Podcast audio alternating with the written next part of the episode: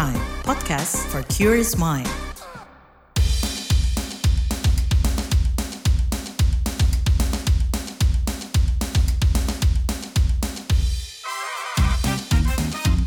What's Trending KBR Pagi, siaran pagi radio paling update. KBR Pagi, siaran pagi paling update. Selamat pagi. Apa kabar? Mudah-mudahan hari ini hari yang menyenangkan untuk Anda pendengar. Kita akan bahas di What's Trending KBR Pagi tentang polemik Al Zaitun mulai penodaan agama hingga TPPU. Ya, Pondok Pesantren Ponpes Al Zaitun dan sosok pemimpinnya Panji Gumilang ini kembali jadi sorotan media dan juga netizen plus 62 nih. Kasus dugaan penistaan agama di Al Zaitun melebar ke arah dugaan tindak pidana pencucian uang atau TPPU juga. Ujungnya, Pusat Pelaporan Analisis dan Transaksi Keuangan PPATK memblokir rekening pimpinan Ponpes Al Zaitun Panji Gumilang. Hal itu mulanya disinggung oleh Menteri Koordinator Bidang Politik, Hukum, dan Keamanan Menko Polhukam Mahfud MD. Pada Selasa 11 Juli 2023 lalu, Mahfud juga membeberkan adanya dugaan penyalahgunaan aset-aset Al Zaitun oleh Panji Gumilang yang dialokasikan untuk pembelian bidang tanah atas nama pribadi dan keluarganya. Mahfud mengatakan pihaknya juga sudah mengecek ke Badan Pertanahan Nasional BPN. Hasilnya ditemukan setidaknya 295 sertifikat tanah pesantren yang diduga tercatat atas nama Panji Gumilang beserta istri dan anak-anaknya. Tapi sebelum lebih jauh kita membahas soal ini, simak dulu sejumlah komen netizen plus 62 terkait kasus yang membelit Ponpes Al Zaitun dan pimpinannya ini.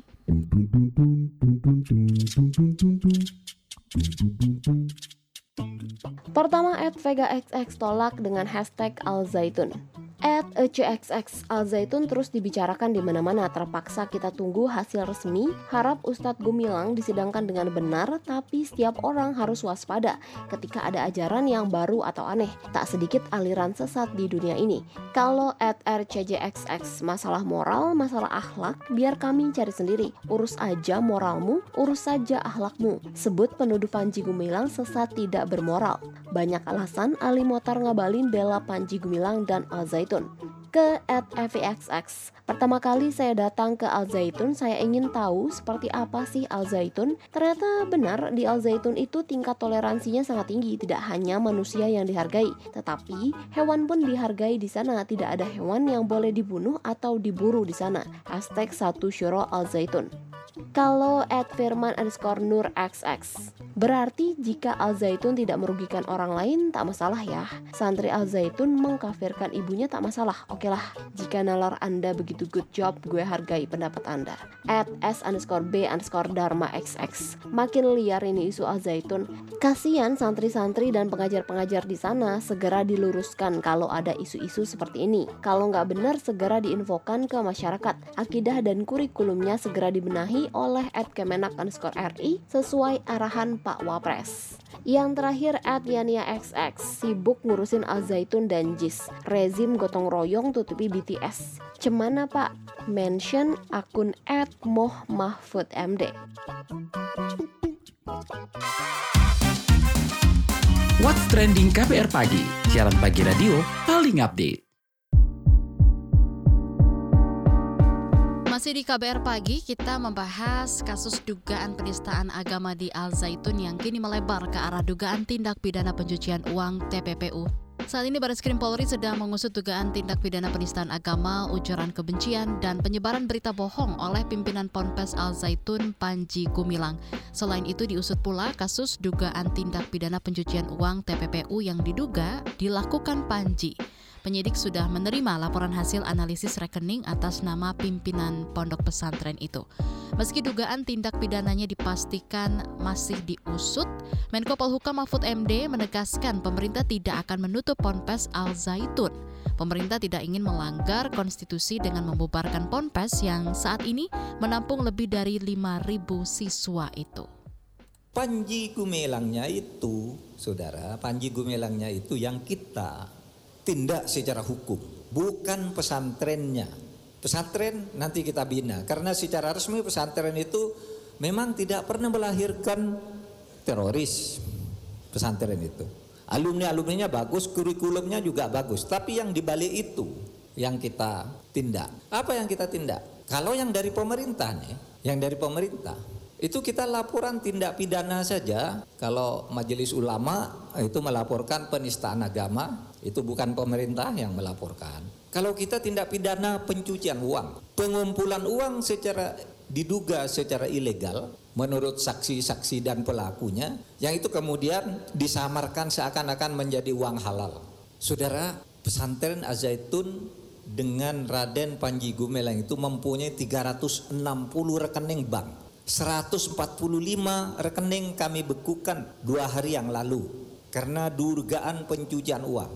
Ada uang-uang masuk ke situ sangat mencurigakan dan dikeluarkan juga secara sangat mencurigakan. Kemarin kami menemukan 295 sertifikat tanah hak milik SHM. 295 yang SHM-nya atas nama Panji Gumilang, anak dan istrinya. Kita telisik ini dulu. Ini jangan-jangan pencucian uang dan kita sudah sampaikan ke polisi. Kita tidak akan menindak pesantrennya, tapi kita akan menindak orangnya dalam tindak pidana. Pertama apa? Kalau pencucian uang, dana bos masuk ke rekening itu, mula-mula masuk ke institusi lalu berpindah ke orang tanpa pertanggungjawaban yang jelas menurut administrasi. Ada juga dana yang pengirimnya namanya gubernur NII masuk uang ke situ. Nah itu semua yang seperti itu. Tanah-tanah juga. Tanahnya tuh 1300 hektar. Sudah kami temukan dalam sehari 295 sertifikat yang dicurigai juga itu berasal dari kekayaan yayasan yang masuk ke pribadi. Nah dalam tindak pidana seperti ini kita coba yang dilaporkan oleh masyarakat tentang penistaan atau penodaan agama ya biar berproses.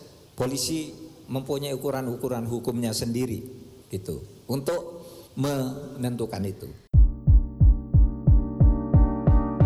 Sebelumnya Panji Gumilang dilaporkan Majelis Ulama Indonesia MUI dengan pasal 156A tentang penistaan agama. Baris Krim Polri sudah meminta keterangan dari saksi ahli Kementerian Agama Nadlatul Ulama NU Muhammadiyah dan Majelis Ulama Indonesia MUI. Kita juga mau dengar pendapat dari siswa yang pernah belajar di sana menanggapi kasus ramai yang menjadi sorotan saat ini ya. Sudah bersama kami alumni angkatan keempat Pondok Pesantren Al Zaitun Muhammad Rifki Fuadi.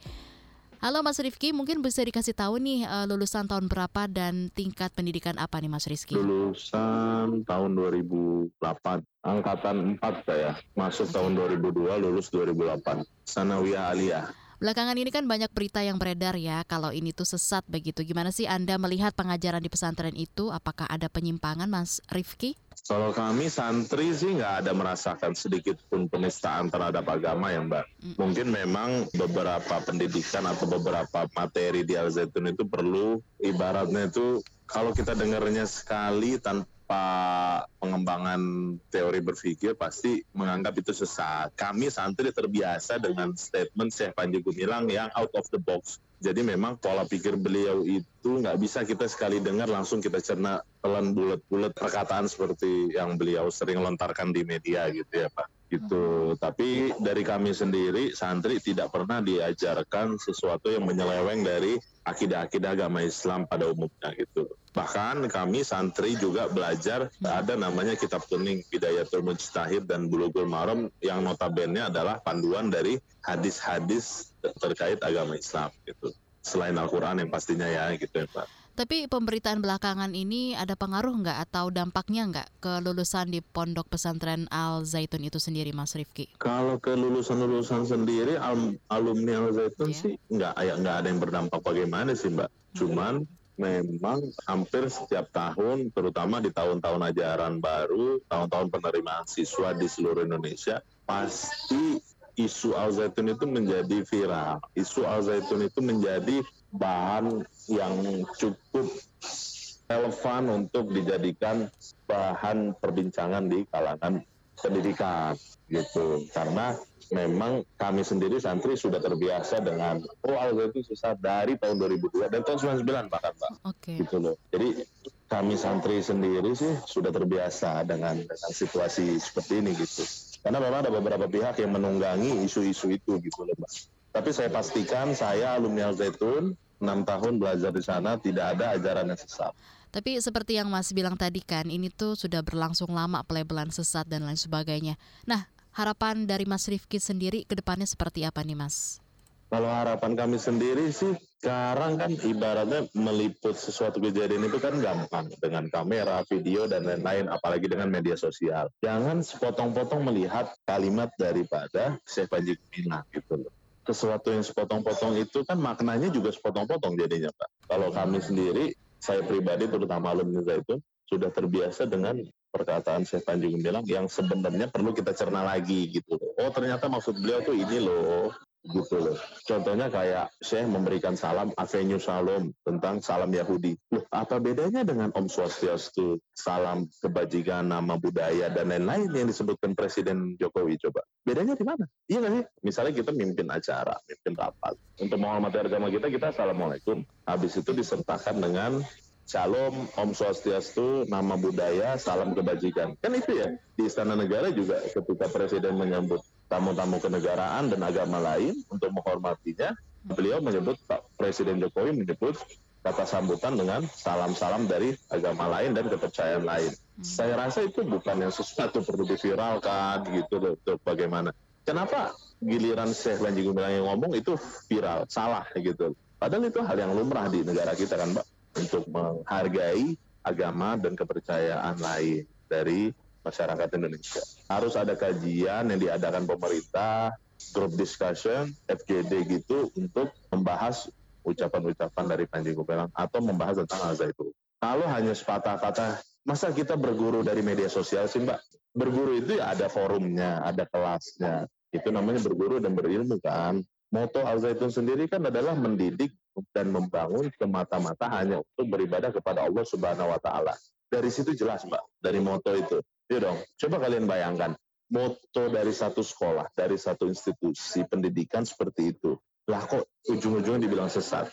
Seharusnya Islam sendiri bangga adanya miniatur daripada, oh ini loh, pendidikan yang bagus tuh modern, Islamik modern tuh seperti ini isu-isu yang menyimpang seperti pelecehan seksual itu jauh sekali dari Al Zaitun, Mbak. Kami aja pacaran nggak boleh. Sekelas aja cowok semua dipisahkan cewek cowok. Ada yang ketahuan aneh-aneh dikeluarkan. Dari proses filterisasi itu kan jelas bahwa Al Zaitun itu menganut ajaran Islam yang trik. Apa yang diajarkan Islam boleh ya boleh, apa yang tidak dan tidak. Apa yang diharamkan haram gitu loh. Jadi jangan setengah-setengah untuk menilai satu perkataan. Sepotong-potong seperti media sosial itu bahaya sekali menurut saya pribadi ya Mbak. Gitu. Baik, terima kasih. Itu tadi alumni Angkatan keempat Pondok Pesantren Al Zaitun Muhammad Rifki Fuadi.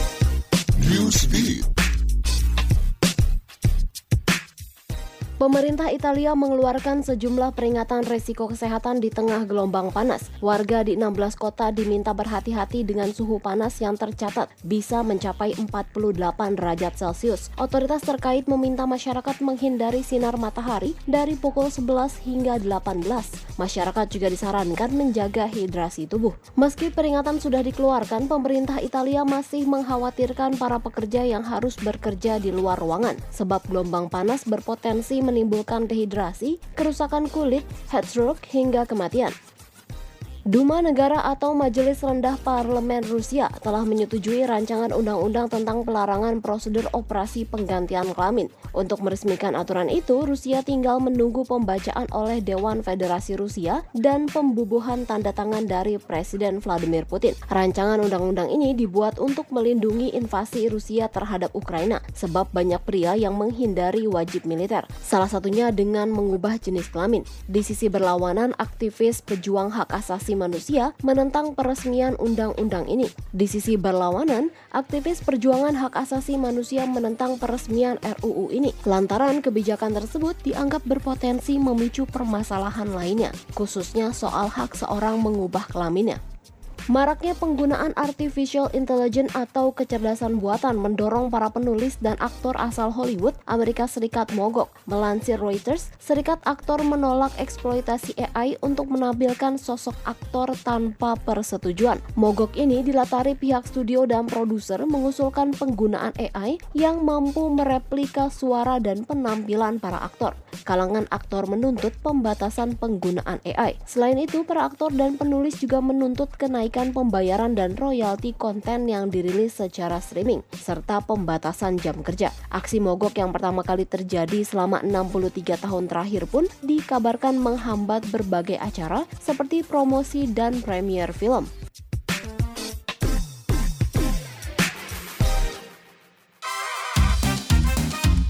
What's Trending KPR Pagi, siaran pagi radio paling update. Melihat kasus penistaan agama hingga TPPU, Direktur Eksekutif Setara Institut Halili Hasan meminta aparat penegak hukum dan pemerintah memproses kasus ini dengan adil. Sebab Halili mengendus adanya potensi aparat penegak hukum condong ke suatu kelompok tertentu. Halili juga menyayangkan penggunaan pasal penodaan dan penistaan agama. Seperti apa lengkapnya kita obrolin langsung bareng Direktur Eksekutif Setara Institut Halili Hasan. Mas, uh, gimana Anda melihat polemik Al Zaitun mulai dari penodaan dan penistaan agama, ujaran kebencian, berita bohong sampai ke TPPU? Begini ya, polemik Al Zaitun ini kan sudah mengemuka di depan publik dan uh, itu bukan case pertama saya kira. Sudah banyak polemik yang pernah muncul sebelumnya. Salah satu yang paling keras Lenton ini mungkin tahun 2011-2012 ya. Itu juga juga pernah ada polemik uh, mengenai Al Zaitun. Saya kira tantangan terbesar pemerintah dalam konteks ini adalah aparatur keamanan soal bagaimana memfokuskan diri pada penegakan hukum yang berkeadilan. Hati-hati, cermat, dan adil gitu ya. Kalau sekedar untuk merespons tuntutan sekelompok orang, termasuk sekelompok ormas e, beragama, ormas keagamaan, kelompok-kelompok keagamaan tertentu yang di publik sebenarnya sudah muncul posisinya apakah pro atau kontra. Kalau sekedar begitu, saya kira polisi memang punya kecenderungan untuk terleset pada uh, penegakan hukum yang tidak hati-hati, tidak adil dan tidak cermat. Ya. Dan ketidakhati-hatian itu saya kira bisa dilihat dari upaya keras kepolisian untuk paling tidak ya yang mengemuka di publik adalah soal, soal uh, untuk menerapkan pasal penodaan agama dalam menjerat Panji Gumilang. Jadi itu pintu masuk yang terlalu politis dan penodaan agama itu jelas bukan pendekatan yang uh, komprehensif untuk menerapkan penegakan hukum yang berkeadilan, profesional, cermat, dan hati-hati.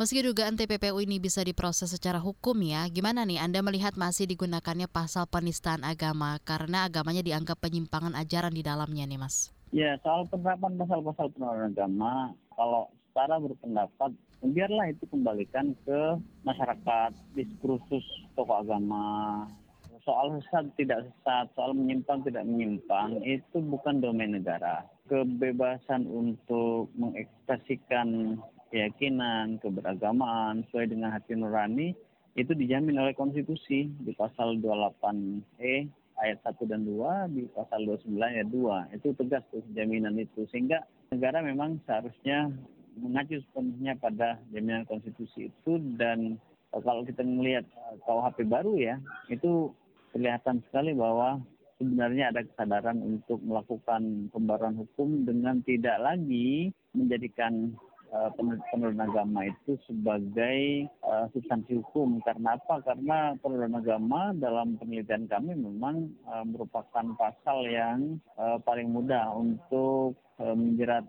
banyak orang dalam banyak konteks yang poinnya adalah selalu pasal-pasal penodaan agama itu dijadikan sebagai alat untuk mengkriminalisasi ya dari urusan cinta semua sampai urusan tafsir-tafsir keagamaan. Jadi spektrumnya itu sangat luas sehingga dia tidak memberikan kepastian hukum. Pasal-pasal penodaan agama itu adalah pasal-pasal karet. Jadi tantangan terbesarnya saya kira bagi pemerintah adalah bagaimana agar pemerintah tidak terjebak pada pasal penodaan agama sebagai pintu masuk ke paling awal untuk mendekati kasus atau polemik. Lalu apa ini. dampaknya nih terhadap orang-orang lulusan pondok pesantren dan juga jemaah Al Zaitun tentunya? Iya, memang ada potensi untuk polemik ini, termasuk ketidakadilan yang mungkin dilakukan oleh negara, itu berdampak pada kelembagaan Al-Zaitun secara umum. Sebaiknya memang pemerintah itu tidak melakukan tindakan apa pun sebelum ada penegakan hukum yang bersifat inkrah, yang mengikat, yang itu memberikan keadilan buat semua. Warga negara yang menjadi peserta didik, warga negara yang ada di kelembagaan Zaitun itu mereka juga warga negara yang wajib dilindungi haknya untuk mendapatkan layanan pendidikan satu dan yang lain adalah e, mendapatkan pemulihan rehabilitasi mulai dari nama baik sampai integritas kan kalau cara pandangnya adalah soal keterkaitan antara Zaitun dengan NII, saya kira barangkali di masa lalu di, seperti diungkapkan di banyak studi itu memang ada keterkaitan antara Zaitun dengan NII. Kepala BNPT Pak Riko kan juga sudah menegaskan bahwa di masa lalu memang ada keterkaitan antara Zaitun dengan uh, radikalisme terutama radikalisme dalam wajah entitas politik NII KW 9 gitu ya. Tetapi kan penegakan hukum tidak bisa mengadili sejarah. Apa yang uh, di masa lalu di pernah ya dikaitkan dengan uh, Azaitun tentu saja tidak bisa diterapkan secara membagi buta pada kesempatan kali ini di tahun 2023 ini. Makanya polemik terbesarnya adalah bagaimana agar pemerintah itu tidak hanya merespons dinamika berkaitan dengan Azaitun itu berkenaan dengan Panji Gumilang ANSI, tapi juga jaminan kepada seluruh warga yang ada di Azaitun. 10 ribu lebih warga yang di sana menjadi peserta didik, menjadi uh, guru, itu punya hak yang sama untuk mendapatkan jaminan itu dan ketidaktegasan pemerintah serta penegakan hukum yang uh, tidak adil itu pasti akan berdampak kepada mereka mulai dari dampak terhadap hak atas pendidikan kemudian dampak atas integritas mereka. Oke, nah terakhir nih Mas, gimana seharusnya kebebasan beragama ini dipandang? Apakah kasus ini menunjukkan masyarakat kita belum inklusif dan sulit menerima perbedaan? Iya, saya kira memang uh, salah satu yang yang mesti dilihat secara penuh nuansa begitu adalah soal hak atas beragama berkeyakinan. Karena hak untuk itu jelas dijamin oleh negara. Dan kasus Azaitun itu ketika kemudian dengan sangat mudah uh, orang mengaitkan dengan fenomena misalnya tafsir keagamaan yang berbeda, yang menyimpang, yang sesat misalnya dalam tanda petik itu menunjukkan bahwa memang di tengah-tengah kita ada kecenderungan e, masyarakat itu disempitkan ruangnya untuk melakukan interpretasi keagamaan baru dan itu tentu saja merupakan penyempitan ruang bagi e, terjadinya kebebasan agama berkeyakinan di republik ini. Jadi ada persoalan konservatisme yang akhirnya mendapatkan ruang konsolidasi melalui polemik Azaitun ini. Terima kasih Direktur Eksekutif Setara Institut Halili Hasan. Nah ingat ya, jangan menghakimi kepercayaan orang lain karena seperti kata Mas Halili tadi, ada hak hidup dan berkeyakinan yang dilindungi oleh konstitusi.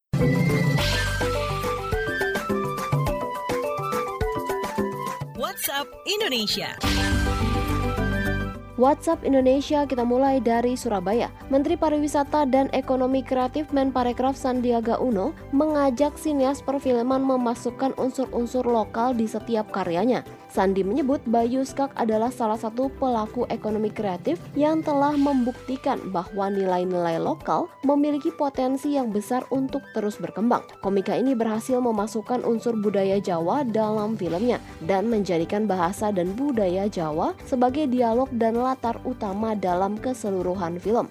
Film dengan unsur budaya berbalut komedi ini dinilai mampu menarik perhatian masyarakat. Contohnya, Yowis Band yang mendapatkan lebih dari sejuta penonton. Lalu ada juga serial lokal drama Lara Ati yang tayang di salah satu platform layanan streaming tanah air. Selanjutnya menuju Papua. Wakil Presiden Ma'ruf Amin menegaskan pembangunan di Papua harus dirasakan oleh masyarakat setempat, tak hanya masyarakat atau pekerja yang berasal dari daerah lainnya seperti DKI Jakarta. Pernyataan ini dikeluarkan Ma'ruf Amin untuk menjawab kekhawatiran soal pembangunan di Papua yang tidak tepat sasaran. Ma'ruf memastikan segala pembangunan dilakukan untuk kepentingan dan memajukan Papua. Karena itu, Ma'ruf juga meminta masyarakat Papua mendukung program-program percepatan pembangunan yang dilakukan pemerintah. Terakhir kita ke Jakarta. Dinas Lingkungan Hidup DKI Jakarta menyelenggarakan mini festival Ayo Birukan Langit-Langit Jakarta untuk tingkatkan kesadaran publik terhadap kualitas udara dan isu pencemaran udara Jakarta. Kegiatan digelar pada ajang Car Free Day CFD di Bundaran HI akhir pekan kemarin. Kepala Dinas Lingkungan Hidup DKI Jakarta, Asep Kuswanto dalam keterangan tertulis menjelaskan target Pemprov DKI adalah melakukan harmonisasi rencana aksi antar dinas dan memastikan parameter kinerja untuk pengawasan dan evaluasi ditetapkan. Menurut Asep, Pemprov DKI Jakarta telah mengambil sejumlah langkah guna memulihkan kualitas udara, antara lain mengambil inisiatif mendorong percepatan perbaikan kualitas udara Jabodetabek melalui strategi pengendalian, uji misi kendaraan bermotor, pengelolaan dan pertukaran data terpadu, serta inventarisasi emisi. Demikian WhatsApp Indonesia hari ini.